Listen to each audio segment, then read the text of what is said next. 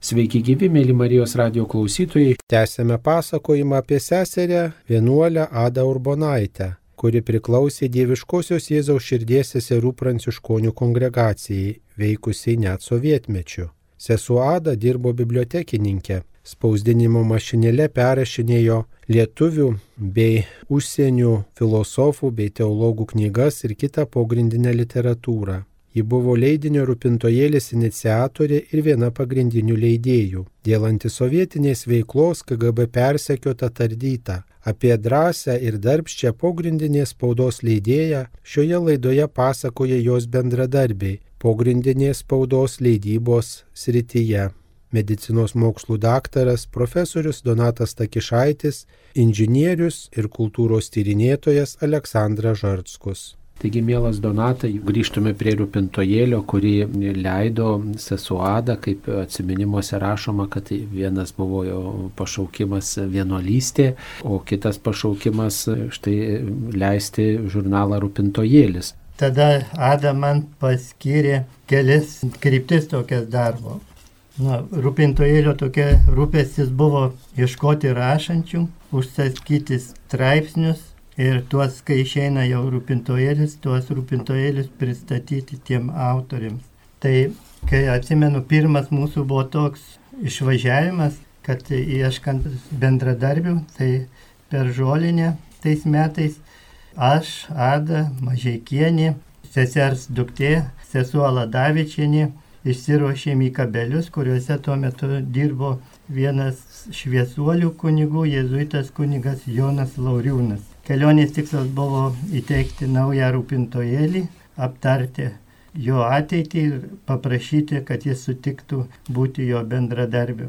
Kunigas Lauriūnas sutiko tą padaryti ir vėliau buvo tikrai vienas iš uoliausių rūpintojėlio bendradarbių.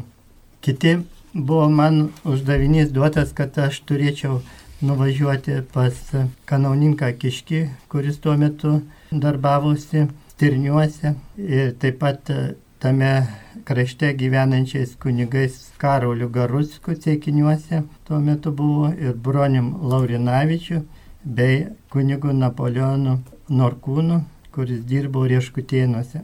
Išsiruošiau rytas keliones. Pirmas buvo sustojimas pas Stanislavą Kiškį Stirniuose.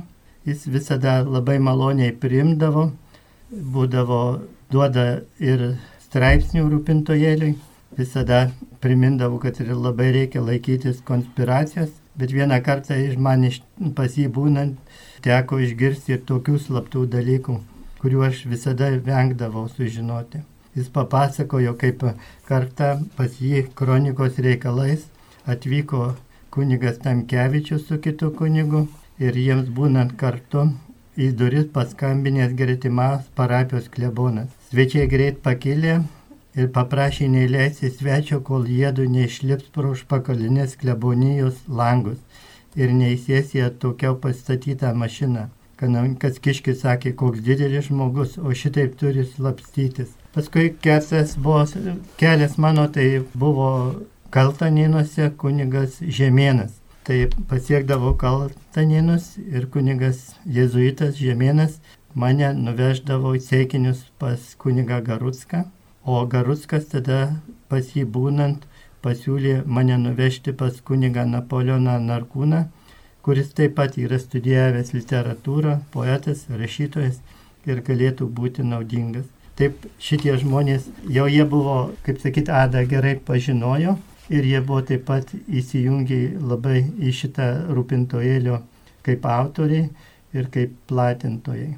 Kunigas Debskis pas mane kartais, kai būdavo studentas, užsukdavo ir vieną kartą pasiprašiau, kad reikia nuvažiuoti į Adučiškį pas kunigą Laurinavičių.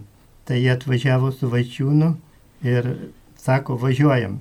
Nu ir mes išvažiavom vakare, buvom naktį, Debskis kelia kunigą Laurinavičių ir juokaudamas sako, iš miegų keliam, nes yra labai svarbių reikalų mums reikia medžiagos rūpintojėliai. Laurinavičius linksmas buvo tada, atsimenu, jis sako, palauk, aš tuoj atnešiu. Ir atneša vieną savo kreipimąsi tuo metu ties kapė generaliniam sekretoriui Brežnevui. kurį jis išsiuntė kaip protestą dėl bažnyčios persekiojimo. Tas raštas buvo 103 mašinrašių puslapių. Atvežė vadą, Ada sako, ne tokio didelio negalime dėti.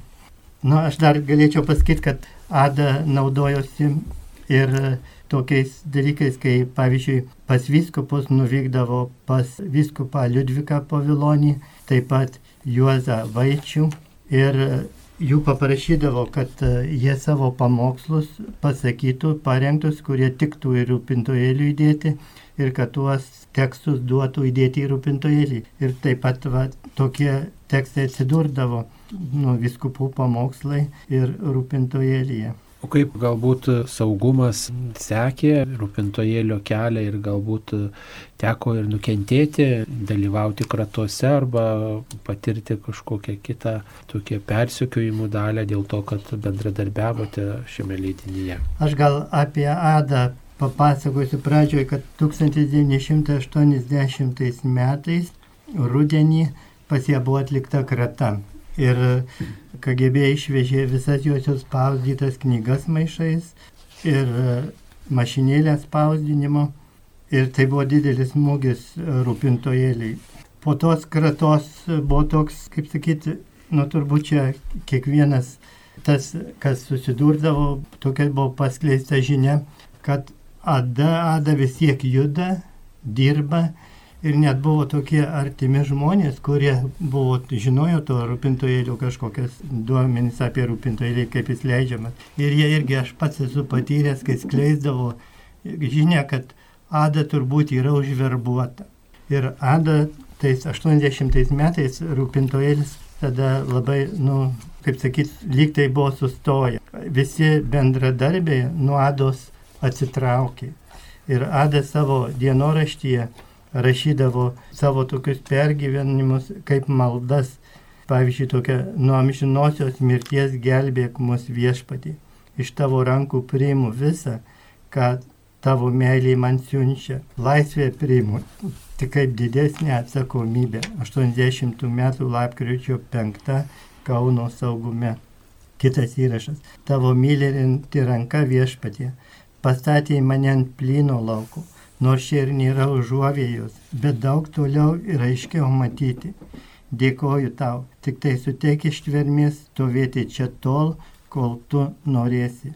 Dar kitas yra įrašas. Kai žvelgiu į prabėgusias dienas, matau, kad visada, kai buvo, buvo sunkiausia, tu neregamasis Dieve, atėjai regimų pavydalu. Ir jinai pati net paminė, kad pavyzdžiui, jos seserys, kitos vienuolės, jos irgi pradėjo vengti ir jinai buvo praktiškai palikta viena. Ir toks jos yra prisiminimas ir pasakotas, kai jinai sako, nuveinu į bažnyčią ir prie manęs prikauplaupė iš šono kitos seserys. Sako, kaip gera buvo, kad dar va šitaip galime bendrauti.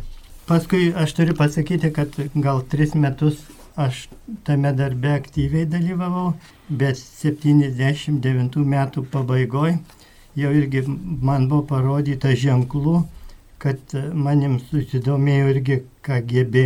Aš buvau tada studentas medicinos institute ir atsimenant, prieš paskutiniam kursė prieina prie manęs instituto komjaunimo sekretorius kurso Ir jis sako, tu turi ateiti į komjaunimo komitetą ir tu pakalbėti su mumi, mums reikia įsiaiškinti, kodėl tu ne komjaunuolis. Atsimenu, atsakiau, aš jam tu rūpinkis savo komjaunuoliais, o aš čia ne prie ko. Tada jis man pasakė, profesorius Zaksas, tada jis buvo dialektinio materializmo dėstytas, nurodė, kad jeigu Stakišaitis nestatys komunizmo, tai mes jį priversime tai daryti. Ir kitas buvo, kaip sakyt, aš patyriau tokių labai gražių dalykų, kur irgi norėčiau papasakoti. Atsimenu, kai buvo egzaminai, tai tie politiniai tie mokslai tų egzaminų, tai būdavo viena iš įrankių susidoroti su visokiais tokiais, nu, kurie įtartini. Ir ateinu laikyti politinės ekonomijos ir ten man dėstytoja papinigytė Kalverš mane egzaminuoja ir man parašo dviejatą. Kita, kuri iš mano kurso buvo irgi sklido gandai, kad neišlaikys, tai buvo Butkevičiūtė Ramunė ir jinai gauna dviejatą. o jos tėvas buvo rūpintojėlio, tam kaip minėjau, susirinkime dėl rūpintojėlio leidinimo. Bet kas buvo įdomiausia, kad aš gavęs dvietą, tai buvo maždaug gal penktadienis, o kitą pirmadienį aš jau nuėjau perlaikyti egzaminą, einu į tą salę, kur egzaminas vyksta, vėl ta pati papinigytė Kalverš ir kita yra dėstytoja Aldona Ščiogaliova. Jis tokia visada būdavo linksma ir kažkaip jausdavo, kad ji kažkodėl tai mane mato, kai jis būdavo studentas. Tai aš nutaikiau progą, kai tik atsilaisvės vieta ir aš nubėgau pas ją laikyti tą egzaminą. O jinai man tyliai sako, sako Stakišaitė, kalbėk daug, tyliai, aš tau tris parašysiu. Taip ir buvo. Tai šitas Šiogaleva yra tos dainininkės Šiogalevaitės močiutė. Gaila, kad jau jinai nuo nepriklausomybės laikais jau mirė ir aš negalėjau jai už tai padėkoti. Paskui kitas dalykas buvo, kad atėjo laikas, kai mus paėmė į kariuomenę. Ir kariuomenėje trim mėnesiam, prienuose tas buvo. Ir būnant ten kariuomenėje, po kokio mėnesio mane iškviečia, atvažiuoja pas tave giminės. Eik ten prieimo, prie vartų rasi. Aš nulėkiu, ir e, nieko nematau iš giminių, prie manęs prisistato kokie 30 metų vyriškis, paduoda ranką ir sako, labas Donatai, esu KGB kapitonas Raščius. Sako, turbūt mane gal esi pastebėjęs, aš esu, nugi, kūruoju Kauno medicinos institutą ir važiuojam su manim pakalbėti, įsisodino mašiną ir nusivežė į Prienų policiją, antram aukšte KGB. Ir ten buvo toks tardymas, kaip ir Bet tardymo metu jokio užsiminimo apie rūpintojėlį nebuvo. Tik klausimai buvo, ar aš pažįstu kunigų, ar pažįstu vienuolių, ar aš klausau Vatikano radijo. Kitas klausimas buvo, ar aš esu tikintis. Tai aš tik vieną žinojau atsakymus, kad aš nieko nežinau, nieko nepažįstu ir aš nieko negaliu padėti. Tada buvo dar įdomiausias klausimas. Mums atrodo, kad tu esi vienuolis arba slaptas kunigas. Tai sakiau, kad jau žinote, aš negaliu tokius klausimus atsakyti, klauskit vienuolynų arba seminarijų viršininkų, gal jie jums pasakys, kas, ar esu toks, kau manim netikėsit. Vėl paklausė, ar pažįsti docentą Vaškelį. Sakau, taip, aš pažįstu, jis yra mano dėstytas, docentas. Tai tokie buvo klausimai. Tai vėl paskui jie mane baigėsi tas pokalbiai ir jie sako, po dviejų savaičių atvažiuosim, apgalvok viską ir e, pakalbėsim tada ir po dviejų savaičių lauk tą valandą prie vartų sekmadienį. Tai vėl po dviejų savaičių atėjo, aš, taip prieš tai tada aš kitą šeštadienį pamėginau išvažiuoti iš kariuomenės ir nuvažiavau į Marijampolę, apsirengęs jau kaip koks kareivis, namuose persirengiau ir tai, tai sakiau, reikia mums pasivaikščioti, aš turiu truputį pakalbėti. Ir tai buvo pirmas atvejis, kai aš pasakiau, nu, paslaptį, kad aš truputį esu susijęs su ripintojėliu, nesu niekam iki to laiko niekad pasakęs. Tai mano tėtė mane išėjus pasivaikščioti už kaputę prie šešupės, sako, ramiai tai pasakė, nebijok, viskas bus gerai, tik reikia visada atminti tris dalykus. Nieko nežinai, nieko nepažįsti ir niekada niekur nepasirašai nes kagebistai gali tai siekti užverbuoti. Ir dar vieną pasakė, niekada neskaityk tekstų, lapų, kurie jie tau duos pasirašyti, kad nežinai, kada gali rankos pakilti ir tu tą gali padaryti. Nu atėjo tas antras sekmadienis, jie atvažiuoja pas mane, aš nejau susitikti, jie vėl mane iškviečia, vėl nusiveža ir vėl prasidėjo tas toks tardymas.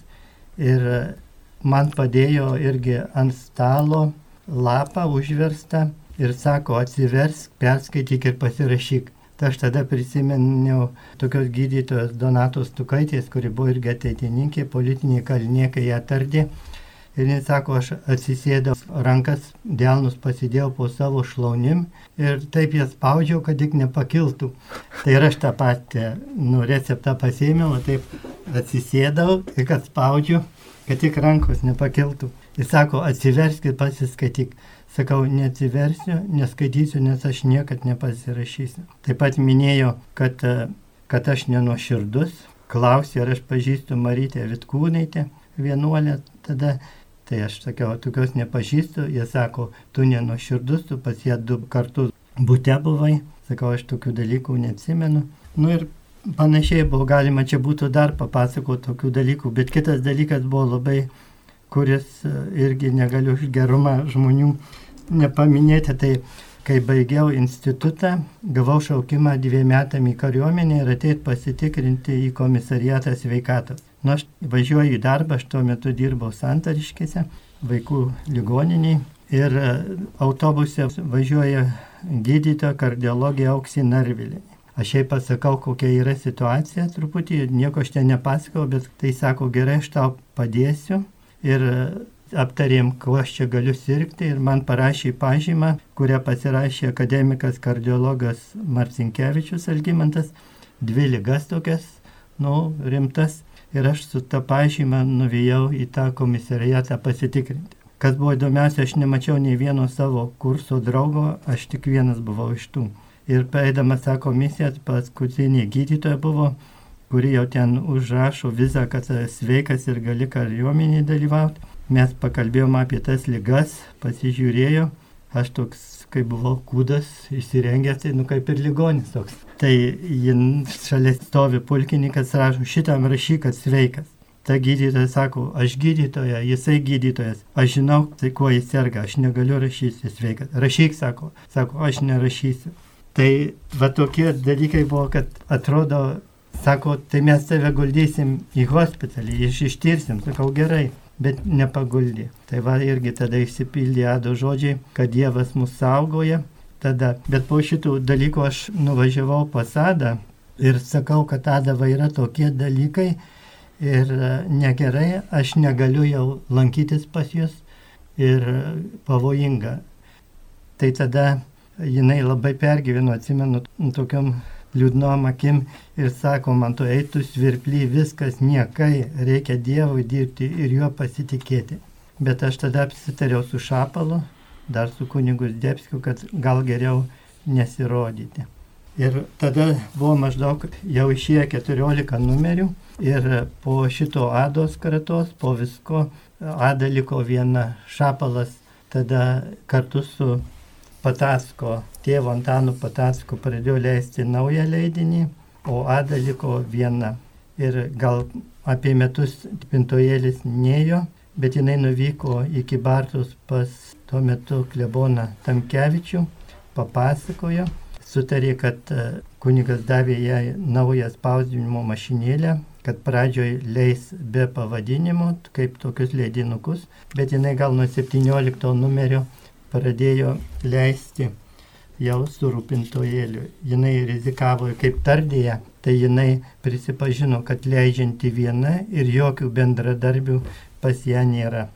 Galbūt apie bendradarbius gal dar galima papasakoti. Tai aš kaip minėjau, tie, kur yra iš Ignalinos krašto, tai buvo vieni iš, iš pagrindinių va, Lauriūnas kunigas Jonas Lauriūnas, kunigas Lionginas Kunevičius, kuris taip pat tuo metu leido aušrai, buvo redaktorius Algirdas Patackas, kuris buvo susijęs su pas, pastogė, Kazimieras Šapalas ir Antanas Patackas, vėliau jie leido, kaip minėjau, tautos kelias leidinį, Pranas Antalkis, kuris irgi pats leido savo leidinį tokį, nu, mažų labai tiražų, bet katakombos. Jonas Ambraziejus Marijampolė, jisai leido ir tokį leidinuką sugrįžimai. Taip pat buvo daug, pažiūrėjau, poetė Pušytė Elena, taip pat visą laiką tais tarybiniais metais duodavo savo eilėraščius atspausdinti rūpintojėlyje. Jos buvo gerai pažįstamos su Ada. Iki mūsų dienų yra išlikęs ir pačios sesers Ados Urbonaitės balsas. Pasiklausykime jos minčių. Jūs dirbote Montesori darželėje. Ar ilgai? Aš pradėjau prieš karą 39 metais čia padariau vienuolės išžygus padvariuose ir čia mm, atvažiavau į Kauną ir pradėjau dirbti darželį. Pati dar tarsi vaikas su vaikais buvau ir buvo čia mums labai mėla būti, dirbti. Vaikai čia galėjo visko mokytis pagal Montesori metodą. Tai Bet tai truko neilgai, kadangi 39 metais, 40 metais e, jau prasidėjo sovietų okupacija ir, ir mes jau nusivilkom ir vienuoliškus rūbus, jau nebe taip buvo visiškai gerai. Paskui vokiečių okupacijos metu dirbom jau panašiai, bet 44 metais vėl tai čia iš Maskvos buvo atvykusi tokia komisija tikrino, kaip Lietuvoje švietimo darbas vyksta. Ir tikrino, pradėjo nuo prieš mokyklinių įstaigų, tai mūsų darželio čia buvo ta komisija. Komisija buvo labai nustebinta, kad ši čia tokia atmosfera mūsų darželį, toks vaikų laisvumas ir savarankiškumas. Kiekvienas vaikas dirba kokį nors darbelį. Raidės dėlioja, žodžius sudėlioja ir dydžių formas studijuoja, tokį rytinėlį buvo. E, ir, žodžiu, niekas jų nekontroliuoja, neragina, tai jiem labai buvo įstabu ir vertino mūsų darželį labai gerai. E, jau pavyzdinis darželis e, pavadino ir raštą tokį gražų davė ir žymenį ten kažkokį davė. Tai sesuo Klara vedėja buvo. Tai po kurio laiko, praėjo vos keli mėnesiai, gauna žinia, kad, e, kad netinkama dirbti čia su vietiniam darželiai. Aš dar likau, bet jau irgi pradėjo kažkas skusti tos, kur su kasom, tai vienuolės, o mano kasa nemažai buvo. Tai, tai inspektorė buvo kučingė, ne kučingė Antano žmona, labai labai puikus žmogus ir mums pranešė, kad, kad reikia, žodžiu, kad busim atleistos, kad jau net laikysime to skundimo. Ir aš parašiau jau pareiškimą ir išėjau savo noru, kaip čia pažymėtas raštelis yra, kad išėjau savo noru. Tas buvo 48 metais. Mėly Marijos radio klausytojai, girdėjote sesers Ados Urbonaitės balso įrašą. Tęsėme laidą kartu su Donatu Stakišaičiu ir Aleksandru Žardskumi prisimindami pogrindinio leidinio rūpintojėlis leidėjos sesers Ados Urbonaitės veiklą. O kas buvo tas skaitytojas rūpintojėlio, kokiu tiražu tą leidinį spausdindavo mašinėlę ir kaip jį platindavo? Tai aš galiu pasakyti, kiek aš žinot, kaip aš tada buvau, mes to nieko nežinojau. Bet aš Bet vėliau gal paskui, sužinojot. kai aš, pažiūrėjau, pas Tamkevičių buvau, tam pirmas vizitas mano, tai sako, aš prižadu, kad išeis 40 egzempliorių, juos išplatysime visur, kur yra tikimybė, kad dar padaugis, o paskui sako, kaip Dievas duos, tai bus.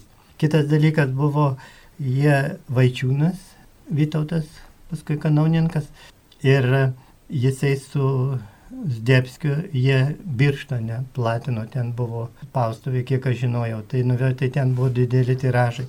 Ir kas įdomiausia, kaip Ada tartydavo, tai sakydavo, kaip čia yra, kaip jisai yra išplatinamas, kur darome kratas, visur randame rūpintojėlį.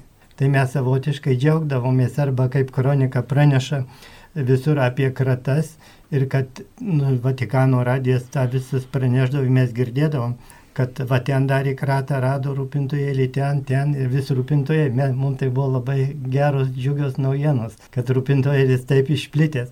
Aš esu matęs irgi tuo laiku tokius leidinius, jie į ranką perrašyti ir viršeliai piešti ir visiškai ne, ne šito. Dažniausiai, kas pasadą daugindavo, tai būdavo gražys, jis įriždavo, ten turėdavo spaustuvę, tokia, nu, ryšyklą, tai ten būdavo.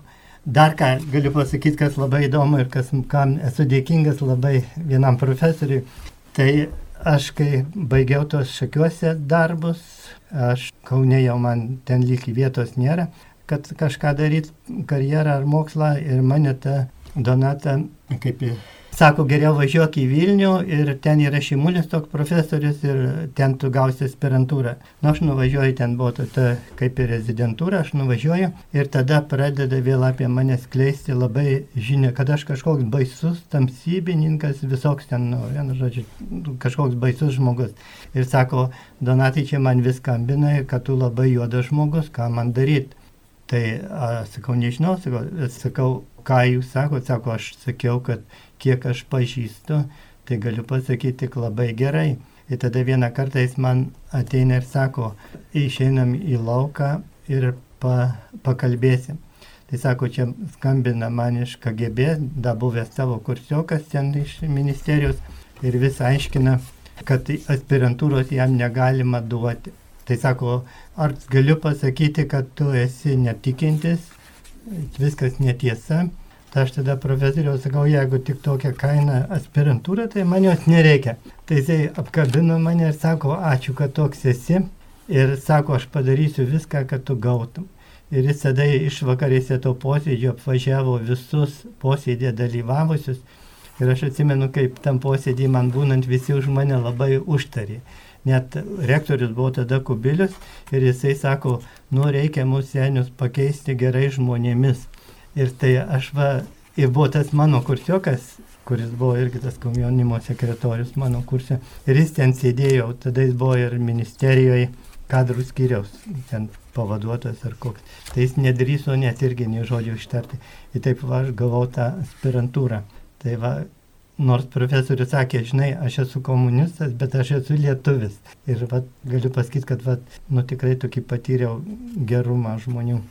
O kroniką teko perrašyti, dauginti, perduoti kam nors? Ne, perduoti, skaityti ir perduoti taip, dauginti neteko. Dauginti teko būtent va šitą Alma Mater su šviesoraščiu. Aš man jis buvo tas e, davęs skaidrės, man Jonas Končius kaip laborantas parūpino šviesoraštį, amoniako ir mes ten kartu su juo įdedam tas skaidrės, e, už, uždedam tą šviesoraštį, išnešam į saulę, į patams ir kišam ir ten mes nežinau, kiek tų egzempliorių šitai padauginom šito leidinio Alma Mater. Tai gal nežinantiems žmonėms galėtumėt pristatyti, apie ką tas rūpintojėlis rašydavo, kokios temos buvo ir kokiomis temomis jūs jame rašėte. Tai rūpintojėlio temos yra labai plačios. Tai jau vien dėl to, kad na, autorius buvo, taip sakyti, buvo galima tik pasirinkti iš tų, kurie išdryso rašyti. Todėl ten sakyti apie kažkokias tai pastovės na, temas, tai galbūt nėra ir prasmės, nes kiekviena, kiekviename numerė tos rubrikos keitėsi. keitėsi priklausom nuo to, kokie autoriai rašė ir kokia medžiaga būdavo. Pavyzdžiui, vieną kitą pavardinti. Autoriai juk neprisistatydavo, kas ten tokie. Autoriai tai taip, kad ir prisistatydavo, tai, tai slapyvardis. slapyvardis. Tai bažnyčios aktualijos tokia na, rubrika buvo na, pastovi iš tokių didžiavyrių gyvenimo apie žmonių laidas. Va čia yra tas, tas turinys, čia tiesiog ir mintis, ir apmąstymai, istorijos puslapiai, krikščionydės išugdyti šviesuliai, ar moteris, ar vyrai, Na, vat, kai aš pradėjau narašyti, tai atsirado rubrika Lietuvių doriniai kultūra. Jos tada ir nebuvo. Bet po šitą rubriką tik vienas, aišku, straipsnis, kaip taisyklė. Rubrikų daug, bet straipsnių dažniausiai tik tai po vieną arba kartais po du. Po du, nes iš tikrųjų tai buvo sudėtinga tais laikais ir tos autorius rasti, kas parašytų, kad būtų testinis tos rubrikos. Na, o pati Ada, kaip manot, ar tiesiog jinai irgi buvo sekama ir patyrė persekiojimų visokių skriaudų, ar prisipažino, kad ji prisidėjo prie šito leidinio, kaip tiesiog kai ją sekė, kai tardė? Nu tai kol ji mane prisijaukino, kol suprato, kas aš per žmogus, jie apie mane, ką jie praktiškai nieko nu, nežinojo, tik tai kiek iš vatų ramegaliečių nu, vienuolių, tai gali pasakyti, iš kokios šeimos esu kokios kilmės, o šiaip tai praktiškai nieko. Ir aišku, tai turėjo praeiti ne vien daug laiko, nu ne vieni metai, kol mes vienas kitų pradėjom pasitikėti. O pati Ada nenukentėjo dėl to, kad prie rūpintojėlio buvo prisidėjusi? Tai be abejo, Nu, nukentėjo. buvo. Ir sakaužiausiai buvo, kad ji buvo palikta visiškai viena. Aš atsimenu, kai nuvažiavau iš šakius, tai ten irgi buvau pakvietimą gavau pasikalbėti. Dzeržinskio prie portretų. tai tada buvo 85 metai, 80 metai ir aš atėjau paskambinau, buvom sutarta, kad vieną tik kartą skambinu. Ir jinai nusileidžia ir sako, nu, visai iš džiaugsmo sako, pirmas žmogus, kuris rūpintojėliu pas mane atėjai po to laiko. Tai jinai buvo labai viena palikta. Žmonės bijojo, gal bendraudavo per atstumą, bet būdavo tekstus duodavo, bet vat į namus bijodavo užeiti. Jau. jinai buvo labai tokia, bet jinai tą darbą dirbo ir ne, nepaleido to darbo. Ir paskui atsimenu 85 metais, tai žinot, Šapalas Ada, jie buvo labai geri redaktoriai ir labai, nu, jų tekstai geri buvo. Tai dar būdavo kitus neva redaguoti, nu, kad kiti pažiūrėti, kad įtraukti kitus žmonės. O iš tikrųjų tai buvo jų vienų darbas, o po kratos tai buvo vienintelį Ada liko dirbti. Tai dar nuveždavau 85 metais, kai išeidavo numerukas jau po 85, tai Antanį Kučinskaitai nuveždavau, jinai pažiūrėdavo ir sakydavo, kad čia viskas neblogai.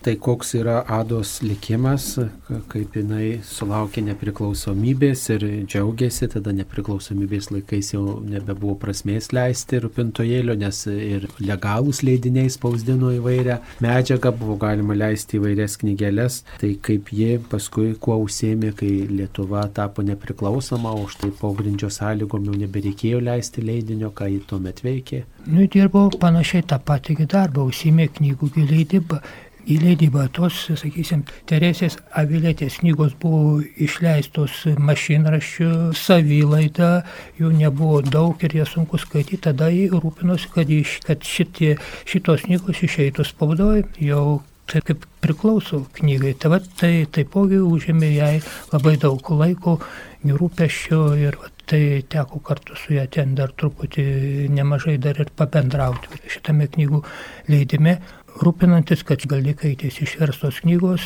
supažindinusios su mūsų krikščionių mistika pasiektų skaitytoje.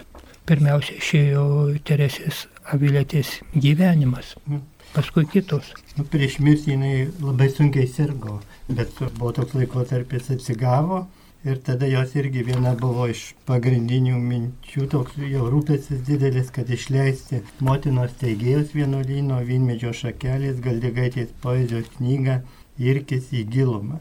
Jis buvo sumanius padaryti renginį Slatkevičiaus muziejuje ir sako, žinai, pradėsim šitą renginį va, motinos žodžiais. Gyvybės mano jauną rytą, aš vinmedin įskiepyta radau gyvenimą čia kitą gyvybės Dievo atšvaitą.